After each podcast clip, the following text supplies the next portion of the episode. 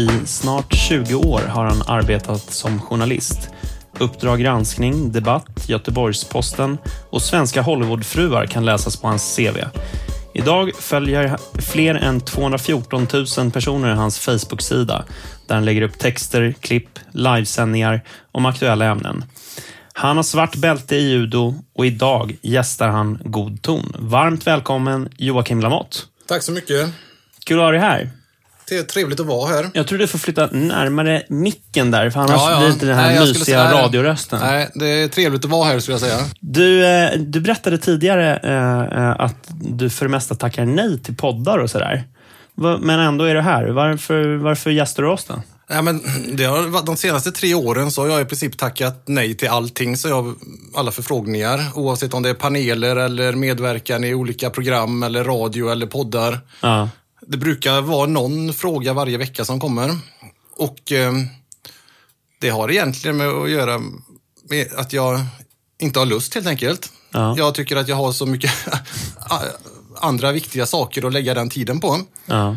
Eh, antingen då att eh, arbeta, göra mitt förbannade jobb, hänga med familjer, min fru, mina döttrar, träna eller med kompisar. Så, så varje gång jag får en fråga så tänker jag att kan jag göra något vettigare med den här tiden? Ofta så blir svaret ja. Men så fick jag bara något infall nu. Eh, Du ställde frågan till mig då, i, det var väl i samband med att Hanif Bali var i blåsväder. Och så var jag, då var jag lite nyfiken på det. Det kan man ju prata om. Det kan vara intressant att träffa honom och höra vad, vad det som händer bakom kulisserna, tänkte jag. Så, så tänkte jag tog det tillfället. Och Så det så, finns en uppsida med den här Ja, jag borde hamna i blåsväder ofta och då passar du på att skicka Nej, men jag, jag, var, jag var lite nyfiken och så fick jag Ja. ett infall. Ja, men vad kul. Ja. Jag är ju lite likadan. Hur menar du? Ja, men jag får väldigt många inbjudningar att komma Mm. och liksom besöka partiföreningar och what, whatever. Liksom. Mm. Eh, och eh, det är inte alltid att man orkar göra det för att du kan lägga den tiden på kanske något ännu mer produktivt. Mm. Eh, men sen så får man infall plötsligt att men nu ska jag besöka Piteå och Muff. Och jag tror inte det är liksom så att säga den största publiken jag någonsin kommer dra ihop. Eh, kommer inte vara hos Piteå och Muff. Men de kommer bli väldigt glada och det är rent ett infall liksom. Ja, men alltså, för jag kände mig först lite förunnad över att du tackade ja till oss. Och sen så ändrades det till att säga, nej men vi kanske bara är värdelösa. För att jag vet ju att du exempelvis, du har tackat nej till medierna i P1 som man skulle kunna beskriva som några av de vassaste journalisterna i landet. Men sen så var du med i den här podden Gött Enna med Glenn Hussein och någon som kallar sig för Micke Målan. Så då formas ju frågan, alltså, är det för att vi är urusla på att ställa kniviga frågor som du liksom, Ja, det kan men du vara tänker, det. det här är riskfritt. Ja, det kan gå bra, tänkte jag det här. Nej, Nej men det, med Glenn Hysén, det var väl rätt länge sedan nu. Och Ja, det det handlar väl också om att eh, jag hade fått en lite bra vibb med honom. Jag hade varit hemma hos honom. Han hade varit med i min podd. Och tänkte då får jag väl ge tillbaks då. Så ringde han och frågade. Och så, jag hade ju en podd för många år sedan. Där han var med. Eh, Men annars så, och P3, och jag, Sveriges Radio har ju tackat nej till hur mycket som helst. Ja. De hörde av sig, när jag var ju på den här uh, Ask Me Anything-grejen de har snott från Reddit, mm. när jag frågade mig vad som helst hos P3 och då sa de att de hade bjudit in dig. Ja, du var väldigt svår att få tag på om jag kunde be dig höra av dig, att du skulle höra av dig Ja, till nej, dem. men, ja, men det är ju ett av de grejerna jag tackat nej till på P3. Och det handlar lite om att jag är inte så sugen på att skapa innehåll åt public service heller. Mm. Jag är lite trött på public service om jag ska vara ärlig. Förklara, varför är du trött på public service? Uh, var fan ska man börja? jag har ju jobbat inom public service i 15 år. Eh, jag kan, jag, ibland kan jag vakna på nätten och drömma mardrömmar att jag är tillbaks där. Ungefär så var det när jag, efter jag hade gjort lumpen så drömde jag mardrömmar i flera år efter och jag vaknade kallsvettig på nätterna och trodde jag var tillbaks i lumpen. Och likadant är det med public service. Att jag kan va- vakna på nätterna och fan vilken lättnad när jag vaknar och känner vet att så är det inte. Men jag, jag har jobbat på UR, jag har jobbat på Sveriges Radio och jag har jobbat på Sveriges Television. Ja. Ehm, och om man bortser från allt det här med då vänstervridning och hela den grejen. Låt oss inte bortse från det, men vi kan för- återkomma till det. Nej, men för tillf- ja, vi kan, nej, vi kan, kan jag återkomma till. Men sen är det ju, alltså det är ju inga... Det är rätt speciella företag att jobba på. Det är ingen bra, inga bra arbetsplatser. Eh, De har jävligt risig personalpolitik. De utnyttjar folk så in i helvete. Och de är hycklare så det skriker om det. I vilken mening då? Eh, ja, fo- folk, det är ju det här med utlasning till exempel. Då folk som jobbar där blir utlasade till höger och vänster. Jag jobbade i 15 år bara på projektanställningar i princip. Eh, som tur var så hade jag aldrig någon ambition att bli fast anställd där. Så jag brydde mig inte så mycket. Jag vet att, eller jag jobbade kanske tio år och sen kom de på det var det någon kvinna då på Sveriges Radio som drev någon process då, fackligt och så eh, förlorade då Sveriges Radio den processen. Och hon blev anställd och då blev de så jävla nervösa. Eh, och då fick alla då vi som jobbade på projektanställningar, vi var tvungna att starta egna företag, sa de till oss. Ja, inga problem, det är inga problem. Jag, jag hade ändå ett eget företag. Så då an- började jag fakturera istället. Jag gjorde exakt samma jobb fast jag fakturerade då. Och sen blev de ännu mer nervösa då. Då fick vi som gick på företag som satt i huset, vi fick inte sitta i huset längre. Vi var tvungna att fixa kontorsplatser utanför tv-huset. Fast vi var ändå på tv-huset hela dagarna. Så fick vi ha kontorsplatser utanför. Bara för att, så, att det, så att vi inte skulle vara som att vi hade en plats där då. För då kunde det ses som en förtäckt anställning. Och det var ju, alltså det var ju förtäckta anställningar. Ja. Eh, och, eh, och så samtidigt, jag vet nå- något år då, så körde de en drive, SVT, de gick ut då i sina kanaler uppmanade folk att höra av sig då när de jobbade på arbetsplatser med dålig personalpolitik och när de kände sig utnyttjade. och då sa jag ju till mina chefer att för helvete granska er själva, för ni är ju de värsta. Ja. Eh, I den meningen kan... Men det här är ju kanske, jag har alltid undrat varför SVT har en, just när det kommer till liksom arbetsrätt och lite sån här har, har liksom public service ett noga öga på det poli, politikområdet. Så fort ett företag eller någon kommun eller någon, någon friskola eller någonting har, har lite dålig personalpolitik så är... Learn så är by the best. Nej men, men, nej men det handlar inte om det. Det handlar om att de själva journalisterna är ju sura på sina chefer. Det är bara att de tar ut det på alla andra. Ja, ja. liksom, alla andra företag och, och sånt. Och de kan ju inte, de kan inte gå ut och vara sura på sina chefer i TV liksom. Nej, och det jag menar är att om jag hade velat så hade jag ju kunnat driva en process mot SVT och se till att bli inlasad. Ja. Jag kan bara lägga upp alla mina anställningar jag har haft. Och så, ja, då måste du ju få ett jobb här, i princip. Och varför gjorde du inte det då? Nej, för jag vill ju inte jobba där. Nej. Nej. Eh, och sen, sen är man, jag kände, jag kände mig inte fri att tänka och tycka som man ville på SVT. Eh, man är fri att tycka och tänka vissa saker, men inte andra. Typ vad då? Eh, jag vet när jag började ha åsikter så var det ju väldigt stor skillnad på respons då från kollegor och sånt beroende på vad jag tyckte. Och jag tyckte något om jämställdhet till exempel som var lite okontroversiellt eller om det hade med eh, representation på arbetsmarknaden eller sånt där, då var det ju helt okej. Men om man råkade när, nämna någonting om att otryggheten för kvinnor ökar i samhället och vad kan det bero på och så där, då var det ju inte så jävla populärt heller att ventilera sådana tankar. Eh, sist jag jobbade på SVT, det var väl 2005, 2014, 2015 tror jag. Eh, och då fick man ju inte ens... Eh, då var det kontroversiellt och till och med att säga att eh, fundera över att otryggheten i samhället ökade. Det har ju förändrats lite nu, hela, den- hela den diskursen.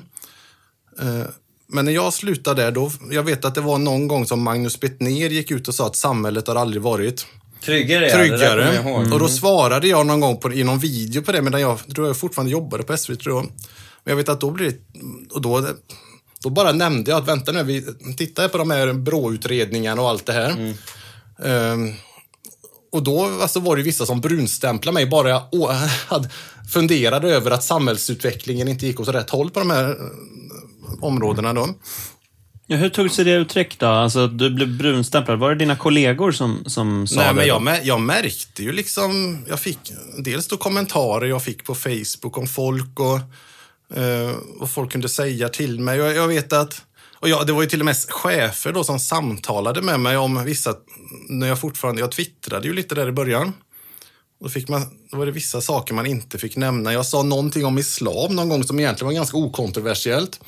Eh, Jag kommer inte, ja, det var en, ja, något liknande att, eh, jag tror jag skrev, det var, hade med någonting att göra som hade hänt och så skrev jag någonting om att eh, religion i allmänhet och islam i synnerhet tror jag skrev, alltså är roten till mycket ont i samhället. Un, tror jag, un, ungefär. Och det var ju, då blev det ett jävla liv på vissa chefer. Eh, så fick jag ta bort den tweeten och det för mig, jag, jag tyckte det var helt okontroversiellt. Men eh, Det var ganska spännande just när man var hos, P, när man var på, hos eh, P3.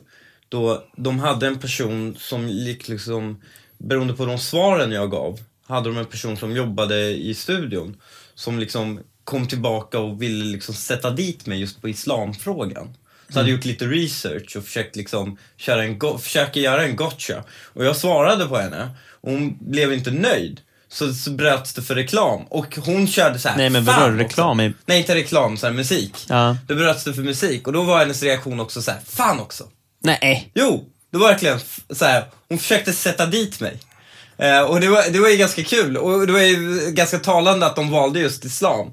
Eh, och sen så hånade jag henne för att, ja men det är jättekul att någon bostadsrättsiranier här så är proxykränkt över att någon är liksom upprörd, upprörd över ultraortodox islam. Liksom. Eh, Men det var, det, det finns, jag, just, just ämnet islam verkar vara jätte, jättekänsligt i, hos public service. Och, eh, man, det- man, men det är kan, väl en man, sak man, om kan, man- man, man kan kritisera kristendom väldigt, hur mycket som helst. Och håna människor som då kanske är kristna eller religiösa, eh, ja, som är kristna. Men man, kan inte liksom, man kan inte nämna någonting om islam. Ja, men för det var det jag skulle komma till. För det är väl en sak om man har någon slags eh, strikt eh, förhållningssätt runt att nej, men ni ska inte tycka någonting. Ni har eh, den här upphöjda positionen av att vara eh, public service-journalister, så därför ska ni inte tycka någonting, jada jada. Liksom. Men det blir intressant om det är så att det är inkonsekvent. Alltså Ja, precis men det, det är där du beskriver med om man får håna kristna. Menar du att det förekom, alltså att journalister kunde håna kristna? Ja, men det skulle jag väl säga. Alltså, det finns en speciell jargong. Och folk i Sverige är ju inte speciellt troende överlag. Och då är det rätt, kan man skoja lite om kristendom och kristna värderingar och allt sånt där. Men man skojar aldrig på samma sätt om islam och, och deras värderingar. Ehm, Men sen också den här... Jag har ju under de här 15 åren på, inom public service, jag har ju levt med den här, jag har ju sett den här vänstervridningen på väldigt nära håll. Och de som säger att den inte existerar, de ljuger ju. Och eh, värst är det ju på Utbildningsradion. Där skulle du trivas Hanif. Det är det som du kallar för batikhäxornas högborg skulle jag säga. Jag jobbade där i många år. Batikmagiker. Du Ja. måste använda det könsneutrala, jämställda Ja. uttrycket. Batikmagiker. Men jag vet att då en redaktionschef jag hade jobbade med ett skolprogram. Så producenten, hon var ju då eh, hon var engagerad politiskt i det då nystartade partiet Feministiskt initiativ. Och Hon sa rakt ut till redaktionen att vi inte fick göra reportage där på något sätt friskolor ställdes i god dager. Eh, skulle det göras reportage om friskolor då skulle det vara för att sänka de- den typen av verksamheter. Annars fick det vara. Va- Hur mottogs det här då? Var det ingen Ja. som reste sig upp jo, och jo, sa men jag att... sa, eh, herregud, vad fan, det, så, det går ju inte att... Men det var den typen av jargong och eh, på SVTs Uppdrag granskning så... Eh, alltså det finns reportrar som har väldigt stort inflytande som är, har, är väldigt dragna åt vänster. Och jag vet något tillfälle så var det två modiga kvinnor som hade gjort ett reportage om eh, eh kvinnosynen i våra, ö- i våra förorter då bland imamer. De skickade ut en kvinna som fick gå undercover och prata med imamer. Just det, det här kommer jag ihåg. Det var Uppdrag granskning. Ja, precis. Så vet jag på redaktionsmötet efteråt, då var det ju en reporter som var väldigt, som sa rakt ut att jag tycker inte vi ska göra sån här reportage för då riskerar vi att få vänner som vi inte vill ha. Och eh, den typen av snack kunde det vara. Eh, sen tycker jag ändå att Uppdrag granskning är en av de bättre redaktionerna på att vara konsekvensneutrala. Det finns många reportrar där som jag har stor respekt för. Eh, många bra programmakare och väldigt många bra grävande journalister. Men det finns också de här, det finns de reportrarna som har väldigt stor makt eh, på SVT. Eh, och det avspeglar sig i verksamheten. Oavsett vad man säger. Och sen jag jobbar med barnprogram på SVT också. Eh, ett barnprogram vet du var jag har jobbat med, jag, jag har jobbat med alltså sådana som kallar sig för kommunister till och med. Jag har jobbat med sådana som uttalade miljöpartister, som uttalade då feminist, eh, inom Feministiskt initiativ. Men jag har aldrig jobbat med någon som är uttalad moderat till exempel, eller sverigedemokrat eller... Eh, jag vet på ett barnprogram jag jobbade då slussade de iväg ungarna. De gjorde såna här eh, eh, det? Ö- överklass-safari. Ja, det. Det Som, jag eh. Mm. Som, eh, det var ju revolutionär kommunistisk ungdom, eller vilka det var som höll på med det, i Göteborg. Eh, då, an, då tog man in de här kommunisterna och så fick ungarna åka med dem. Man chartrade en buss och så fick de här kommunisterna åka runt med barnreportrarna i då Göteborgs överklassområden och berätta hur förfärligt allting var. Alltså det, här, I backspegeln när man tänker på det, det är ju helt jävla sinnessjukt. Fy fan vad vi borde hålla ett getto-safari. Ja. Fan, Tänk dig, tänk om man kör ett getto-safari, bjuder in massa liksom överklassvänner och så bara klär upp dem och stoppar in en jävla skottsäker buss och så bara kör runt i Rinkeby och ser bara hur var reaktionen från public service hade men varit då. ju- Hade de bjudit in oss bara, nej men det här måste vi göra reportage. Men det skulle ju många av de här eh, tanterna och gubbarna inom public service behöva. För de har ju fan inte sett en förort på vykort knappt. De rör sig aldrig där. De umgås inte med några invandrare. Men de är ändå, har ändå väldigt god värdegrund. Men när, när Men jag, låter kommer... de inte som svenska gemen? Jo, Men det låter ju som, alltså de är lite lätt vänstervridna och sen, och sen eh, inte umgås med invandrare men tycker att det är fin, fina saker. Det låter som en svensk gemen ju. Det låter ju inte som, så de, är, de är ju kanske bara en perfekt representation Ja, av kanske. svensken. ja, kanske. Är det inte? Ja, det kan vara så. Men du, när, jag först kom i kontakt med det, de här grejerna du lägger upp på sociala medier, så handlade det mycket om eh, tjejers utsatthet. Och du nämnde det förut också. Hur kommer det sig att du engagerade dig kring de frågorna? Eh, Jag fick ju en liten knäpp när jag eh, fick barn. Mm. Hur gamla är dina barn? De är nio och sju. Ja. Sex, ska, Simone ska fylla sju. Det, var ju, blir ju, det var väldigt omvälvande för mig att få döttrar. Helt plötsligt står man där med två små ungar som man älskar över allting annat. Och så läser man varje dag om överfallsvåldtäkter och tjejer som råkar ut för det ena och det andra. Så jag fick lite panik där. Eh, och då började jag skriva om sånt där. Eh, och jag började även åka ut i skolor och göra föreläsningar. Eh, det gjorde jag i två år. Jag, var, jag vet inte hur många, hundratals skolor i Sverige har jag nog varit på. Och vad, vad, liksom, vad handlade dina föreläsningar om då? Ja, Jag har förträngt det nu. Nej, men eh, vi behöver inte gå in på detaljer, men de var väldigt uppskattade och jag fick komma tillbaka till skolor och de bjöd in mig och tyckte det var så bra. De tyckte jag pratade till ungdomarna på ett rätt sätt och jag nådde ut på ett sätt som andra inte gjorde. Och det var, jag var i förortsskolor, jag var i svennebananskolor och allt möjligt. Eh, och det var jävligt lärorikt att vara i skolor under så lång tid och se vad som hände i samhället. För det är någonstans man ser hur samhället förändras och vad som händer så är det ju i skolor. Eh, men så, jag började, sen, så började jag skriva lite mer, om det, mer och mer om det här med gruppvåldtäkter och då var det ju väldigt svårt att nämna vilka som inte låg bakom dem. Eh, och ju mer jag skrev om sånt där, desto mer började skolor bli nervösa. Och det var ju då, jag fick ju massa påhopp då från eh, massa feminister och framförallt och vänstermänniskor eh, med väldigt starka röster. Men de började ge sig på skolorna va? Ja, de gav sig på skolorna. För att de bjöd in dig som talare, eller? eh, och till slut så var det en skola, det var i Nässjö, Det här kommer jag ihåg. som ringde och sa du, nu är det så här att nu har de... Det var hon som hade bjudit... Jag hade varit på den skolan innan, på våren, och så bjöd de in mig på hösten då, för de var så jävla nöjda. Och så ringde hon då som hade bjudit in mig, en invandrarkvinna på skolan. Och sa, nu är jag så arg på mina chefer för de har sagt att du inte får komma för det är, en- som, de, det är några som har ringt och klagat. Och då var det ju skolchefen då i den kommunen som hade fått samtal från en, eh, vad man var, vänsterpartist eller sosse och hade jobbat på eh, en, någon lokaltidning där nere. Hon hade varit någon chef där nere. Som hade ringt till kommunen och sagt att ni kan ju för fan inte bjuda in honom. Han är ju eh, rasist och kvinnohatare och allt vad fan det var. Och de sket ju ner sig på kommunen och avbokade mig. Och så- Hänvisar de någonsin, alltså dina kritiker, hänvisar de till någonting konkret du har sagt? Nej, alltså, det gör de inte. Det gör de inte. Eh, Det finns ju inte heller riktigt så. Eh, Men, eh, och, nej men, och då... Jag lackade ur så det skrek om det på, på den kommunen och hängde ut dem. så de hade gjort det här då, de har avbokat mig för att slippa då, Drevet. sli, slippa drevet. Men jag gav dem ett drev så de höll på att skita ner sig. Och jag tror till och med den skolchefen är faktiskt sparkad nu. På den kommunen. Men det slutade med att om man börjar dreva mot sina uppdragsgivare Ja. så blir man ju rökt till slut. Och, men jag ringde då till många, jag hade många skolor kvar. Alltså, jag hade upp, bokningar många månader framöver. Men jag ringde upp alla och sa att nej, men jag skiter i det här nu. Jag orkar inte ha det tjafset varje gång jag ska ut på en skola.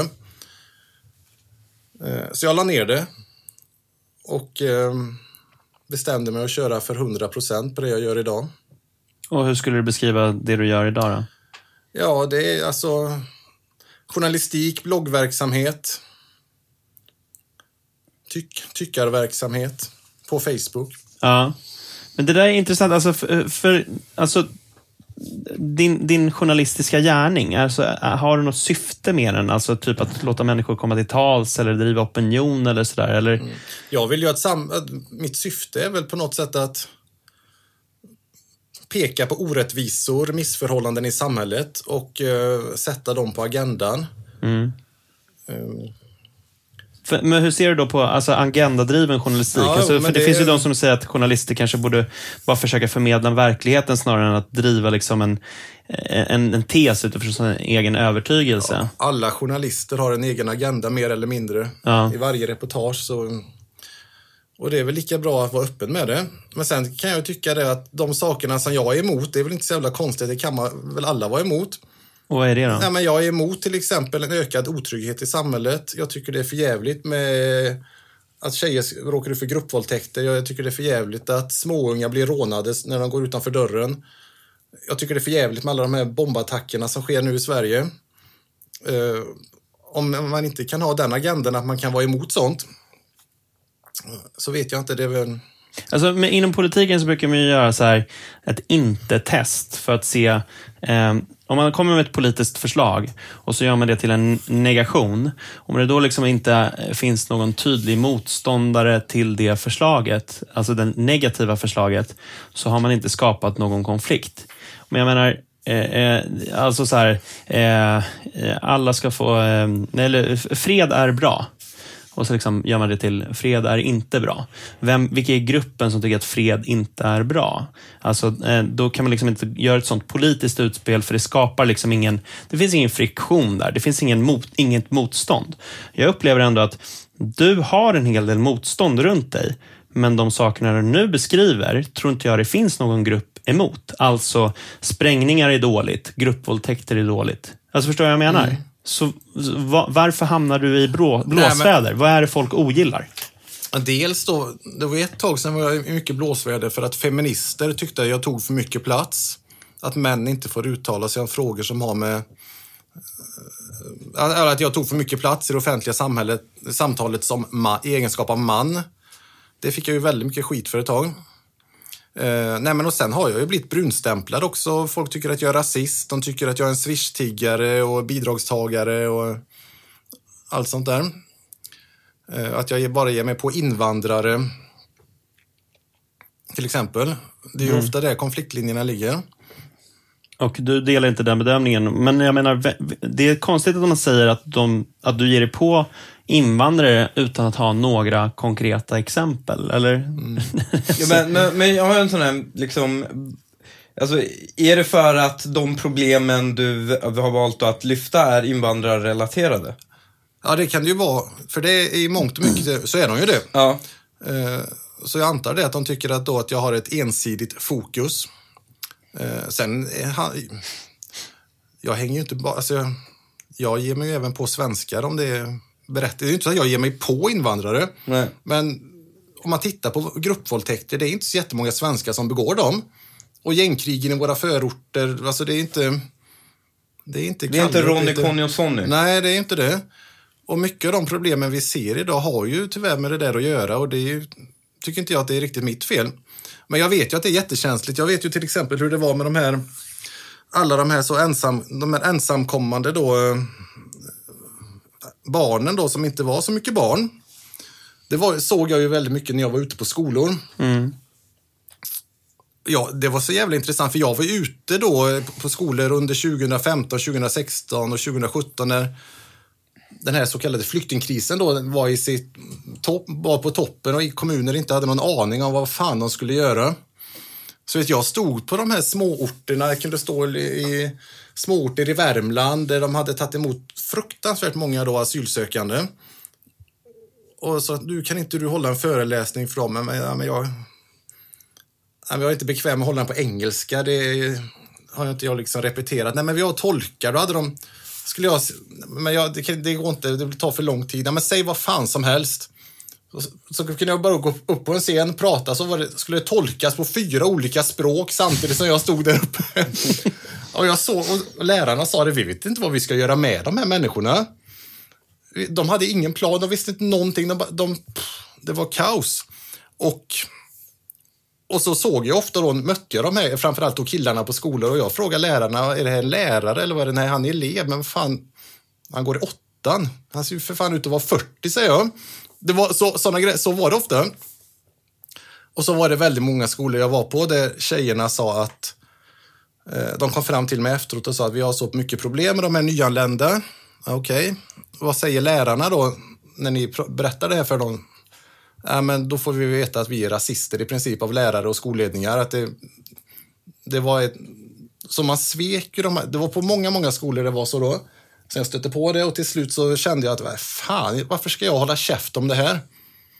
Och så skrev jag om det. Nu har jag varit på si och så många skolor och jag upplevt det här att tjejerna kommer fram och berättar detta. Och lärarna och rektorer skiter i det utan de stämplar de här tjejerna då som, som rasister.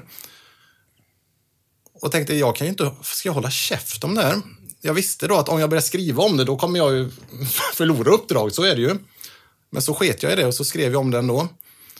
Eh, och då vet jag, då var det ju många skolor som blev nervösa när jag skulle komma dit. Ska han hänga ut de nyanlända och sådär? Eh, men det var ju så det var. Men jag märkte just särskilt under den perioden, nu är det inte så i lika hög utsträckning längre för att de ens kommer att ha minskat i antal och försvunnit ut i så här konstiga komvuxsystem och sånt. Men eh, särskilt då 2015 eller 2016 som mest och 2017 så var det ju, det blev en så här konstig uppdelning i skolorna. Alltså alla skolor är ju uppdelade. Vi har ju pratat om i, i min skola att du hade liksom nazisterna i bygglinjen, du hade liksom invandrargängen som gick i en viss del av skolan och hängde i en viss del av skolan och, och nördarna i natur och allt sånt. Alla skolor har en sån uppdelning. Men det som hade kommit i en ny uppdelning var ju liksom halva skolan är ensamkommande afghaner. Och sen är, sen är det liksom, sen finns den här klassiska uppdelningen svenskar invandrare. Men den är inte mellan invand, alltså det är ju en uppdelning mellan invandrarna och de här ensamkommande afghanerna också. Det blev liksom, eh, det blev liksom en tredelad på något sätt uppdelning av skolorna. Eh, och många av de här liksom, afghanska ungdomarna, de kom inte in i någon. Alltså, eh, också. De var ju liksom, det var ju helt isolerade till bara sin egen klick. Och då kan man ju tänka sig att det inte blev så mycket normassimilering på de här skolorna, om man pratar då jämställdhet eller värderingar och, eller, och så vidare. Utan Um, så det var, ju, det var ju väldigt, så här att säga, det var väldigt påtagligt i varje gång man besökte en gymnasieskola i eh, just den perioden. Att, och det, det är ju sånt jävla sjukt, alltså vi hade alltså en hel hel årskull eller flera årskullar med ungdomar i Sverige som fick liksom gå gymnasiet under det här stora experimentet. Och jag, och det, jag- det gjorde mig så beklämd för jag såg ju de här småtjejerna gå ihop med de här äldre män, eller de som var mycket äldre än vad de uppgav sig att vara. Eh, och så föl- jag följde den här debatten också då, mycket som var om hur gamla är de? Är de barn? Är de inte barn? Eller vad är det som händer? Det var så uppenbart för mig att det var så jävla många som ljög om sin ålder. Och jag, jag tränar ju mycket kampsport och är tränare och sådär, i olika klubbar. Och, eh, jag träffar ju på de här killarna väldigt mycket. Jag har haft hand om många eh, som jag har tränat. Och de sa ju rakt ut till mig att vi har ljugit om vår ålder. Vi slängde passet innan vi kom hit. De var mycket äldre än vad de, än vad de sa de flesta, inte alla givetvis, men många av dem. Och, det var ju, och de sa det, men det är så vi gör. Vi vet att vi slänger passet så säger vi att vi är några år yngre. Det var ju en vedertagen metod som de använde, för de var inte det något konstigt. Och så följde jag den här debatten då i, som var i Sverige och vissa skrek sig hesa om att det, fanns inte, det finns inga som ljuger om sin ålder. Vad fan skulle de göra det för? Då stod jag ju ändå med liksom en massa killar som öppet sa till mig att så här gör vi, det gör alla. Ehm, nej, men det var en intressant tid att följa. Har du förlorat många männer, vänner i, i den här liksom, eh, förvandlingen från att vara public service-journalist och, och så, sen så nu har du, liksom, står du väl lite på egna ben och så är du väldigt ifrågasättande mot, ja, men mot Ja. det som är normativt inom de kretsarna helt enkelt. Jag skulle säga så här att jag har kvar de vännerna som betyder någonting. Mm. Jag umgås fortfarande med en hel del människor som jag har jobbat med inom SVT. Eh, och sen är det många som jag inte umgås med längre. Men för min del så jag har jag har hållit mig ganska... När det gäller vilka jag umgås med så har inte jag umgås med så mycket människor i mediebranschen eller journalistbranschen. Utan jag har umgås med folk som är i andra branscher och det har varit rätt skönt att ha den tryggheten. Och slippa vara... För jag har inte känt att jag förlorar inte, och även om alla på SVT skulle säga upp kontakten med mig, Mm. så skulle inte det bry, jag skulle inte bry mig så jättemycket. Eh, Jag har, jag har de vänner jag har kvar från SVT-tiden, det är nära vänner som jag fortfarande umgås med. Mm. Eh, Och de som inte hör av sig, det kan kvitta. Men har det varit någon gång där du känt eh, att det här var ett jävla svek liksom? Alltså att någon vän som bara slutar, eh, uppenbart slutar på grund av det sociala trycket eller någonting sånt. Eh, har det varit något sånt exempel? Där du känt så här, fy fan vad svagt. Nej, ingen som jag har sörjt i alla fall. Ja, inget du sörjt i alla fall. Nej. Men du, du, eh, har ju, du var ute och föreläste mycket för angående då de utsatta tjejernas situation. Och, eh, och i samband med det här så minns jag att du gjorde en tweet som blev ganska uppmärksammad. Du skrev, jag har gjort mer för feminismen i Sverige på två månader än vad Fi gjort på tio år. Och det här mottogs ju inte med öppna armar för, från landets eh, vänsterfeminister. Eh, berätta vad, Jag hur mottagandet var. Jag är sjukt nöjd med den tweeten. när, när jag dör en gång så ska det ristas in på min gravsten. Är du feminist? Nej, jag, ja, alltså jag identifierar... Det beror på vilken feminist... Jag kan ju inte, vilken, vem ska man identifiera sig med? Jag identifierar mig inte med till exempel feminister som Gudrun Schyman eller Linnea Claesson eller vilka det nu kan vara. Men jag är ju, alltså, jag, jag är för jämställdhet. Mm.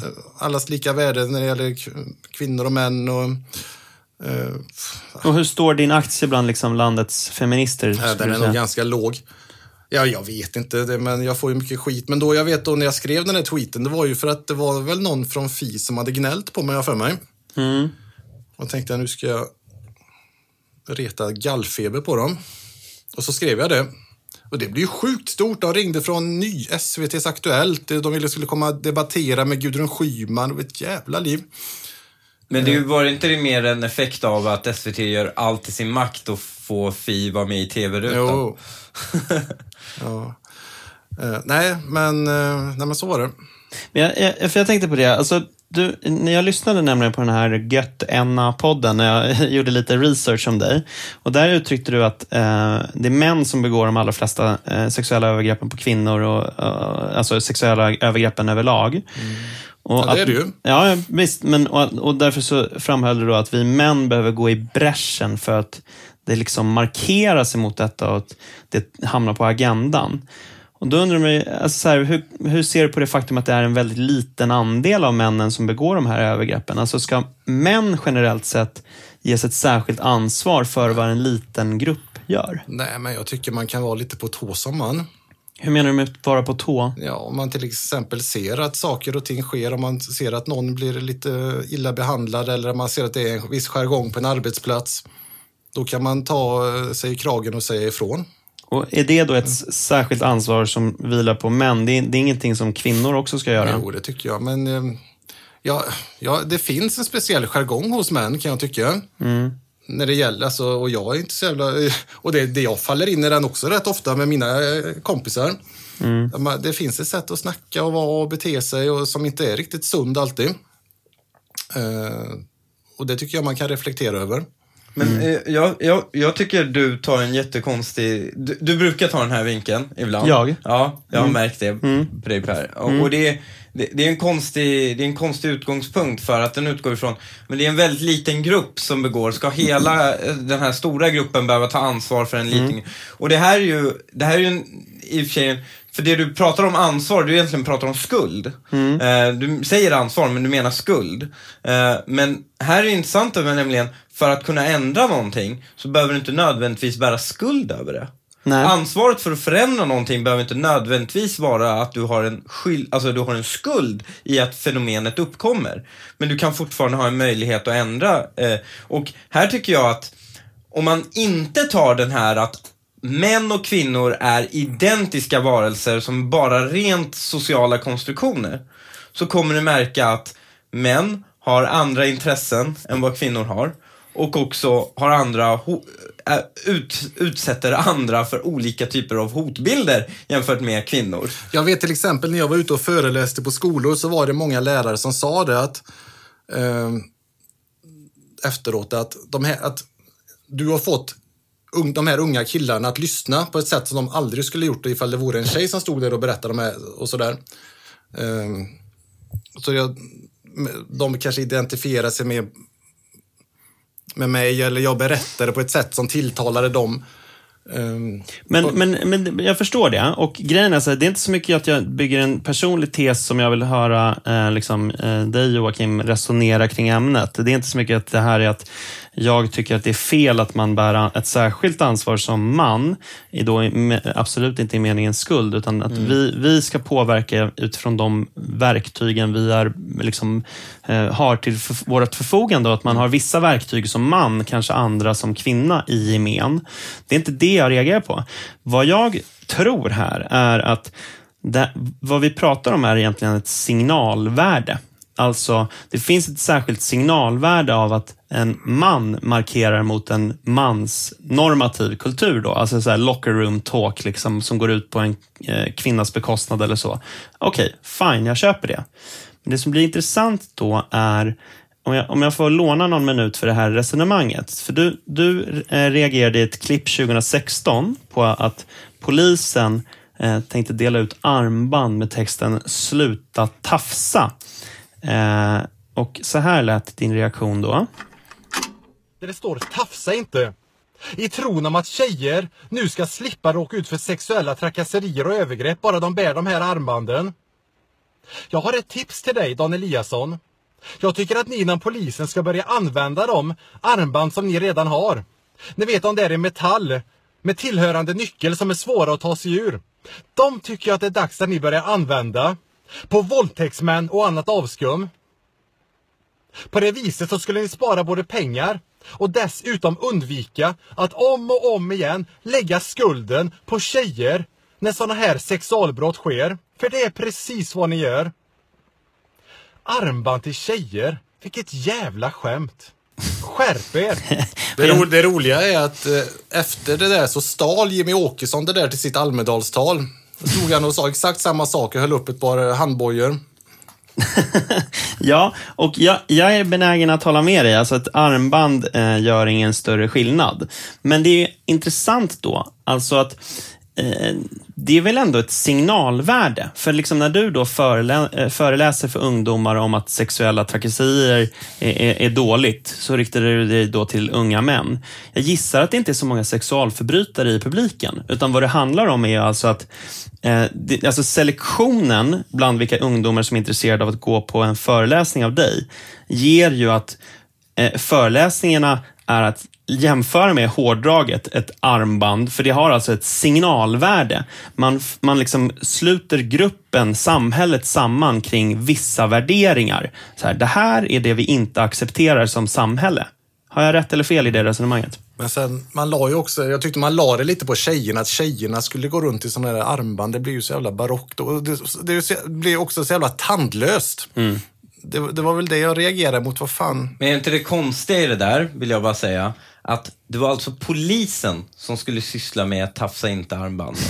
Förstår du? Jag förstår att om, om så att säga tjejers rätt i samhället eller något sånt, de gjorde det de kunde och hade tafsa inte armband och dela ut det till killar. Men när våldsmonopolet är ute och just delar ut sådana här gummiarmband, det är ju då Nej. du, tror jag det sticker men i ögonen. också Jag håller helt jag- med. jag och det, här, det är precis var jag landar själv. Jag har skrivit frågan Ja. mest för att jag vill höra resonemanget Nej, men, och bakom. jag Liksom. stör ju mig mycket på det här.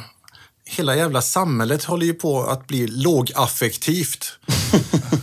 det, och det, det ser man. Vi har ju två olika samhällen idag. Dels har vi det här samhället då som kanske vi lever i som blir mer och mer lågaffektivt. Det blir normkritiskt. Det är hbtq-certifieringar, det är genusförskolor och allt sånt där. Medan vi har ett samhälle som går i totalt motsatt riktning. Eh, där det blir mer våldskapital, det blir mer och mer våldsamt, det blir mer kvinnofientligt, det blir mer hat mot homosexuella i, i våra förorter och sådär. Eh, Och, och jag tror inte man kommer till rätta med det genom att massa lågaffektiva metoder som tafsa inte mina eh, armband till exempel. Kommer man till rätta med det kring eh, med, med att föreläsa då? Jag var stenhård i mina föreläsningar. Men gjorde det någon skillnad? Tror du Ja. att färre blev våldtagna som ett resultat av dina föreläsningar? Ja, tror jag. Så det satt potentiella våldtäktsmän i Mm. publiken då och lyssnade och kände så här, nej, det blir nog ingen våldtäkt ändå. Nej, men det, tjejer har hört av sig efteråt och berättat att eh, de har blivit fre, de, det har blivit lugnare för dem på skolorna efteråt. Att killarna i klassen har betett sig på ett annat sätt efter mina föreläsningar, till exempel. Eh, så kanske inte våldtäkter, men de, de har blivit fredade på ett annat sätt.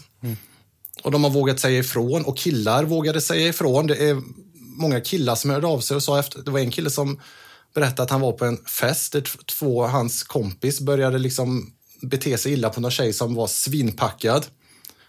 Eh, och han då grep in då och sa ifrån så att det inte hände någonting. Och han sa, jag vet inte om jag hade gjort det ifall jag inte hade lyssnat på dig under den föreläsningen till exempel. Eh, så eh, Nej, men man sätter det. sig på ganska höga hästar. Men det, Ja. det, finns, Nej, men jag- ett, jag det finns ett par sådana exempel. Ja. Ehm, Men, Och vilket är då objektivt då sant att han- du har lyckats med mer än vad Femi- Feministiskt initiativ har lyckats med? men, men här blir ju, alltså det, det är ju i och för sig ett väldigt intressant, för vi pratar om social acceptans och social intolerans tidigare i på, men sen den kan jag här också säga att jag Men- var... Ja, eh, förlåt. Ja. Mm, det, men det jag vill, bara poängen jag ville göra är att, för det handlar ju inte bara om varför föreläsningar till bredare grupper, eller så att säga normspridning till bredare grupper är viktigare.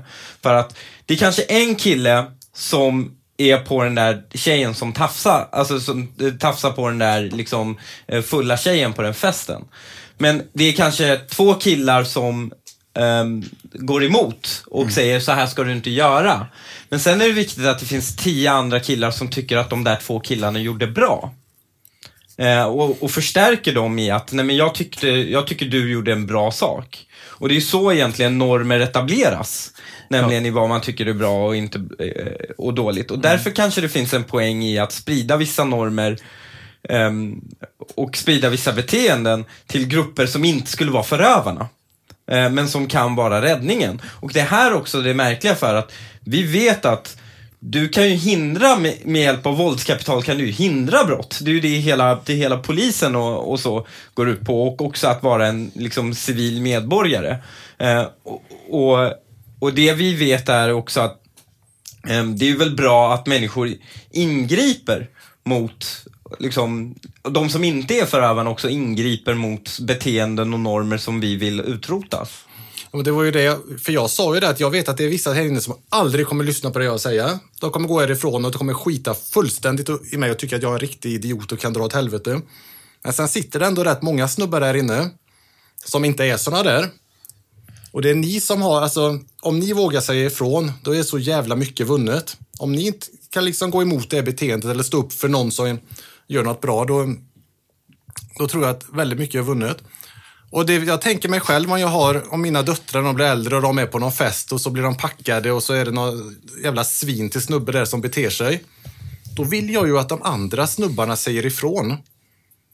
ja, men visst. Det, och då det gäller, jag försökte gjuta lite mod i de här snubbarna, att våga vara de personerna. För det, och jag tycker det, vi, har, vi har problem med civilkurage i Sverige, tyvärr. Det är väldigt många som bara blundar och går förbi när de ser saker. Eh, jag vet inte om det bara är i Sverige, men jag bor ju här så jag får, ju förhålla mig till det. Eh, och jag har sett det mycket att det är, oavsett om när folk blir utsatta för saker, det är så jävla lätt att människor bara blundar och går förbi och skiter fullständigt. De bryr sig om, de tittar rakt fram och så tänker de på vad de ska äta för taco hemma när de kommer hem. Eh, istället för att säga ifrån. Jag har så svårt för det där. Jag, jag, jag köper det. Jag, jag ville som sagt mer höra ditt resonemang om det.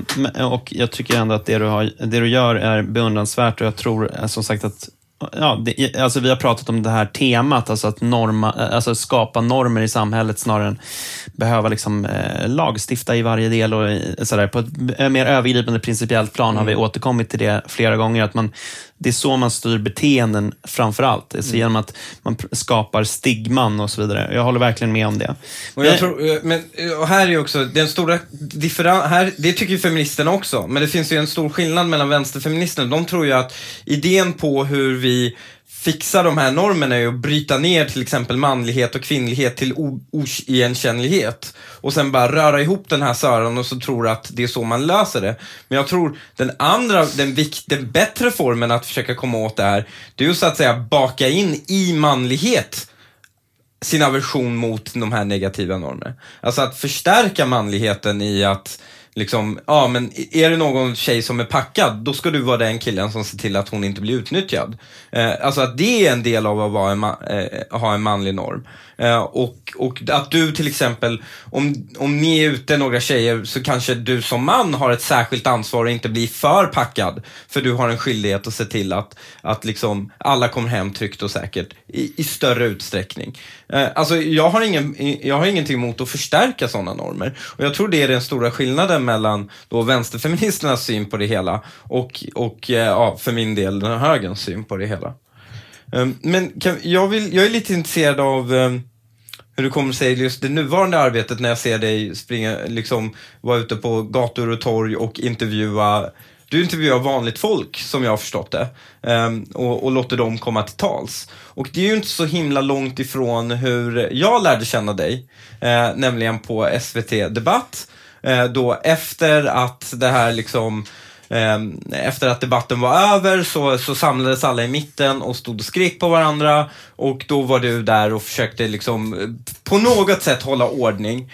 Eh, Och eh, mitt ögonblick som jag kommer ihåg där du var där, det var ju med Batikhäxan Berit som hon blev döpt i ettan. Jag vet inte vad hon heter egentligen. Jag tror hon heter Margret. Ja, heter Margaret. Margaret. Ja, det kanske Men när hon började skrika, det handlar om barn. Det var episkt. Det var episkt. Det var, det var ett magiskt ögonblick. Jag känner en enorm tacksamhet att jag var där när det skedde.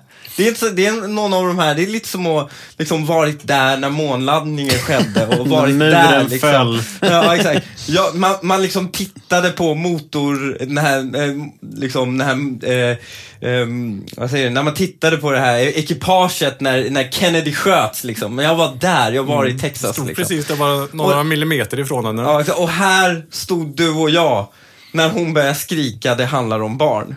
Eh, och, eh, och sen, du har ju fortsatt en stolt tradition av att liksom eh, försöka rodda i människor som bara står och skriker framför en, framför en kamera.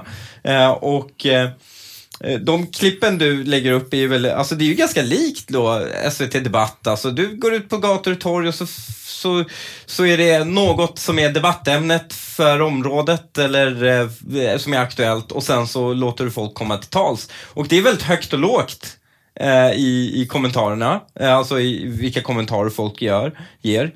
Um, och är, är det, är det, har, har du egentligen bytt roll eller har du bara bytt plattform? Nej, det är väl en del av eh, den utvecklingen jag har gjort. Jag, jag har ju velat... Jag vet att jag experimenterade ju väldigt tidigt med det här med livesändningar. Eh, så fort det fanns en möjlighet att göra livesändningar på Facebook så var jag ute och gjorde det.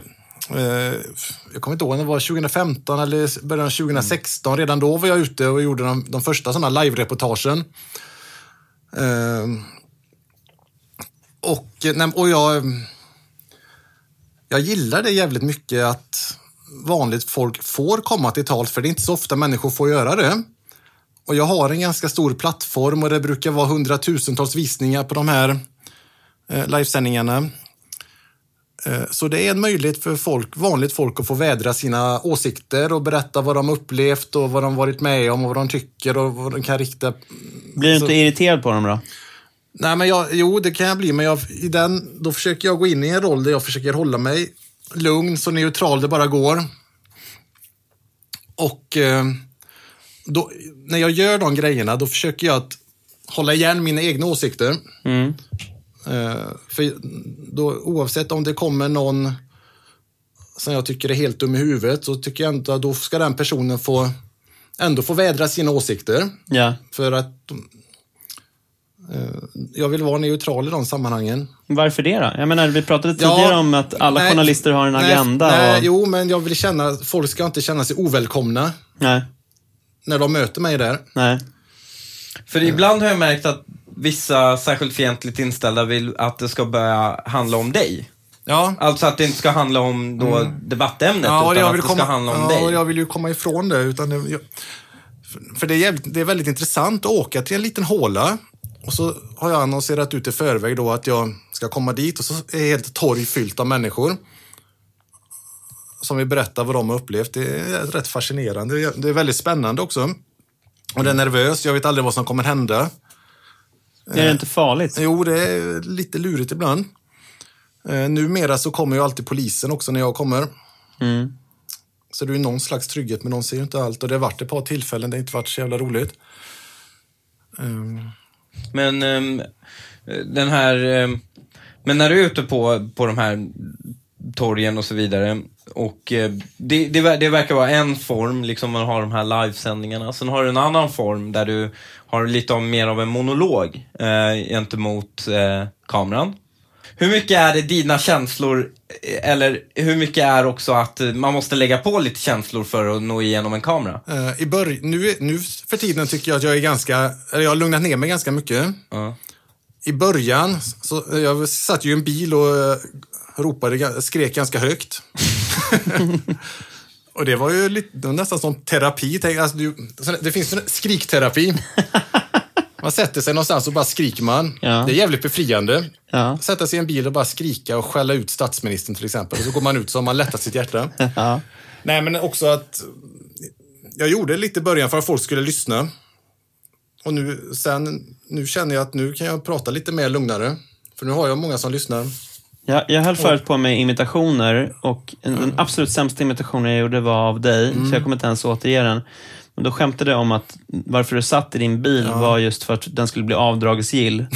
hur, mycket, hur mycket av det är, är sanning? Nej, jag, bilen är inte avdragsgill. Okej, men, Men, men, men det, folk det, provoceras ju av hur du drar in pengar. Ja. Det här med alltså att du drar in pengar på Swish och sådär. Alltså, Kjell Bergqvist hade blivit gnällig över det och sa, kallade det för tiggare. jag var För- ju det- Sveriges första Swish-tiggare. Ja. Och vad är, varför, är, var, varför är det fult att tjäna pengar via Swish? Det är så jävla märkligt. Det var, när jag började med det så var det ingen annan som gjorde det. För mig var det inte konstigare än att, finansi- än att ha någon tidning av prenumerationer eller... eh, Det var ett sätt för mina följare att, mina, att mina följare hjälper mig att fortsätta mitt arbete då. Ja. För mig var det inte något konstigt, men det är väldigt många som är provocerade av det och kallar mig för tiggare. Eh, Man kan betala Dagens Nyheter med Swish nu för tiden. Ja, och det roliga är att alla de, det finns ju många publikationer också då som har antytt detta men som själva då ber om donationer till sin verksamhet. Men det är väl lite fult så som jag gör det. Och sen är det vissa som säger att jag är en skattesmitare.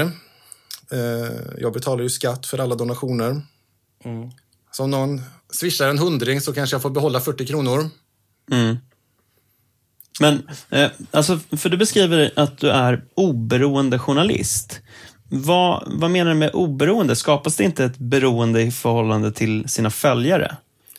Ja, det skulle... Ja, både ja och nej. Ehm, jag är ju oberoende i den meningen att jag är inte beroende av... Jag, står, jag är inte beroende av något politiskt parti eller någon eh, verksamhet. Jag är inte beroende av SVT till exempel. Att de ska betala mina löner. Jag får göra, jag får göra vad jag vill i princip. I den meningen är jag ju oberoende. Men sen är jag ju beroende av att folk då eh, donerar. Men märker... Men, alltså, men, jag det, menar, men det är ju ingenting som påverkar det jag gör i den det var meningen. precis det jag skulle fråga. Det är inte så att jag ändrar åsikter för att nu vet jag att folk kommer donera någonting. Ja, Utan, men för att man kan ju ändå på liksom lite till mans, alltså det är därför folk lägger upp eh, eh, putmunsbilder på Instagram och så vidare, att man, blir, att man blir, hamnar i en like-jakt.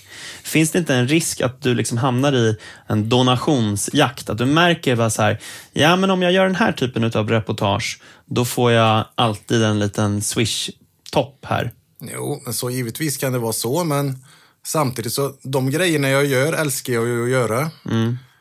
Eh, Jag gör ju ingenting som jag ogillar eller ingenting som jag inte kan stå för. Mm. Hade jag gjort det så hade det varit annorl- annorlunda. Mm. Men det här är det enda du gör nu, eller hur? Det här, Du Ja. gör det till 100%. Ja.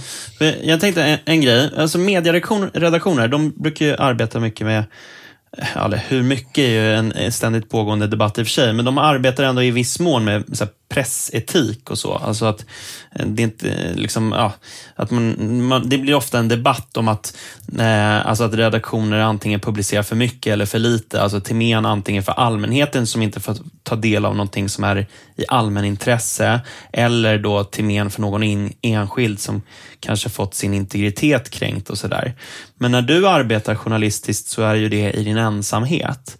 Alltså, hur säkerställer du att du inte går över någon integritetsgräns? Eh, Jag använder mitt eget samvete. Eh, Jag känner ju till de pressetiska reglerna och försöker förhålla mig till dem. Ja, Eh, Men det blir ju upp till mig själv att göra det. ja, Och jag gör ju... Min måttstock är att jag inte gör någonting som jag inte kan stå för. Men i somras la du upp en live-länk till när du åkte hem till en person och den här personen hade dömts till mord och våldtäkt med avtjänat sitt straff och bodde hos sina föräldrar. Och då filmade du den personens hem. Alltså, var det ur ett publicistiskt hänseende rätt att filma vid hans föräldrars hem? Ja, jag tycker det i och med att det var hans hem också. Eh, jag tyckte det fanns så stort allmänintresse för den här killen. Han hade då, eh, var dömd för att ha mördat en ung tjej och våldtagit henne. Eh, han var dömd för att ha våldtagit en annan tjej också. Han var ute och jagade nya tjejer på nätet. Eh, Först innan jag åkte hem till honom så la jag ut bara en bild på honom. Eh, Och skrev om, skrev om den här killen att nu är han ute och jagar på nytt på sådana här mm. datingsajter. Och när jag gjorde det så fick jag kontakt med flera tjejer som kontaktade mig och berättade att de också hade varit utsatta för honom, men att de aldrig hade polisanmält. Så jag såg honom som en potentiell fara. Eh, och jag tyckte det fanns så stort allmänintresse att jag gjorde detta. Och eh, eh hans föräldrar hade ju valt att, ha, att bo ihop med honom. Det var inte hans föräldrar som jag ville hänga ut. Eh, utan det var ju hans hem också. Mm. Men jag menar, vad hade hans föräldrar gjort för att förtjäna att deras personliga integritet skulle kränkas? Alltså jag menar, även om de har valt att bo ihop med sin son, sitt eget kött och blod. Det, det, jag, kan tänka mig konstigare beslut eh, än, än det. Alltså, det är inte de som har gjort någonting. Och du Men- filmar ändå deras hem. Men alltså är inte det, Men jag om, vet om han inte- hade bott i en lägenhet, om man hade filmat hans port, har då grannarnas integritet också liksom? Nej, jag vet inte. Jag frågar våran gäst Ja, hur han nej. resonerar kring det. Ja, ja. Eh, Jag tycker ändå att de har ju ändå valt då att bo ihop med en eh, dömd mördare och våldtäktsman. Eh, Som har avtjänat sitt straff och som är deras son. ja, ja, och jag, jag hade ju haft en son som gjort sådär så hade han inte varit välkommen hemma hos mig kan jag säga. Nej. Eh, nej, så jag ångrar inte det. Men det, det intressanta, är, det här har inte kommit fram, jag, jag, det har inte kommit fram att han fortfarande var aktiv. För det tyder ju också på, alltså, det finns ju gott om sådana här reportage som Aftonbladet och, och så vidare har gjort när de stämmer träff med någon som är en, en sexuell förbrytare som är aktiv, som stämmer träff med folk och, och så. så. Det här är ju någonting som inte hade kommit fram, att, att, att eh, det handlar inte bara heller om att han hade gjort någonting avtjänat utan fortfarande var aktiv och, och, och uppsökte kvinnor. Jag såg ju honom som en fara för samhället. Eh, och jag skulle nog hänga ut honom med, hänga ut om jag fick reda på vart han bodde. Han hade ju skyddad adress, så det var ju inte så lätt att få tag på den. Men kan du se några problem med ändå att Eh, om man liksom, eh, att det inte finns fler ögon på de här besluten. Att det är upp till ditt omdöme. det- För jag menar, alltså så här, man skulle väl möjligen kunna tänka att din yrkesmässiga gärning är ett tecken i tiden. Alltså att det här är nu med liksom den digitala revolutionen, eller vad vi ska kalla den, så är ju alla, har ju alla möjlighet att skapa eh, journalistik själva. Och, och eh, om man då är tillräckligt begåvad så får man en följarskara och då kanske det finns de som inte har samma etiska liksom, eh, rättesnören som jag, du. nej, precis. Och det kan man ju diskutera. Och jag skulle ju också jag skulle tycka det var trevligt att ha en redaktör och bolla idé med. Nu har jag ju inte det, utan jag får utgå från min, eh, mitt egna sunda förnuft. Eh, sen har jag jobbat som journalist i många år och har hyf- ganska hyfsad erfarenhet. Sen är vissa, det här var ju lite kontroversiellt, det blir ju lite debatt kring det. Sen kan jag tycka att det är så, Aftonbladet, Expressen, TV3 åker hem till människor och konfronterar hit och dit. Och, eh, skulle jag strunta i att åka hem till honom för att han ska han gå fri bara för att han bor ihop med sina föräldrar? Det blir också lite konstigt. Nej, nej Och jag sen- vet inte. Jag, och, eh, jag, och, eh, eh, sen var det ju så också att hans föräldrar, de skyddade ju honom i princip under många, många år eh, på olika sätt. Så eh, jag, ja, jag känner inte jättemycket för dem om jag ska vara ärlig. nej. Påverkade det ditt liksom, publicistiska beslut? Nej, det gjorde det inte. Men det gör ju att jag tycker inte synd om hans föräldrar. Okej, men du skulle gärna haft en redaktör. Vad då saknar du ändå det här lite redaktionsbundna Ja, någon- yrkeslivet ändå? Nej, men lite mer att bolla idéer med någon så. Någon som kan komma med input, någon som kan hjälpa till med research. Och det hade ju varit trevligt. Nu är jag ju en enmansredaktion. Okej, men du började i tryggheten för tjejer och sen så blev det väl lite mer trygghet generellt kan man väl säga. Vad är nästa? När, när går du vidare? Var går du nästa mm, steg liksom? Vet inte, det beror ju på vad som händer i samhället. Nu är det ju... Har jag ju hållit på en del med det här med ungdomsrån, har jag skrivit mycket om. Det har ju briserat. Ehm, Det beror, jag följer ju samhällsutvecklingen, vad som händer. Och då åker du då till orter där folk blir utsatta för rån och sådär? Ja, så det- och jag skriver om det också. Jag, har Ja. mycket, kontakt, jag har, my- mycket av mina dagar består av att sitta i telefon med människor som hör av sig till mig. Jag har kontakt med må många föräldrar, ringer till mig och berättar vad deras barn blir utsatta för. Vad de själva råkar ut för. Eh, Jag sitter och pratar med eh, folk om mycket elände hela dagarna. Eh, så är det destruktivt? Ja, så det är skönt. Ibland är det rätt jobbigt kan jag säga. Framförallt när det är de här grova våldtäktsfallen och gruppvåldtäkterna och man sitter och läser rättegångsprotokoll och det är rätt grisigt. Och det, ibland är det inte helt lätt att somna på kvällarna. Och få det där ur skallen. Därför, nu har jag ju tagit lite känsligt några veckor för att snickra i källaren. Det är lite skönt. Ehm, Men... ehm,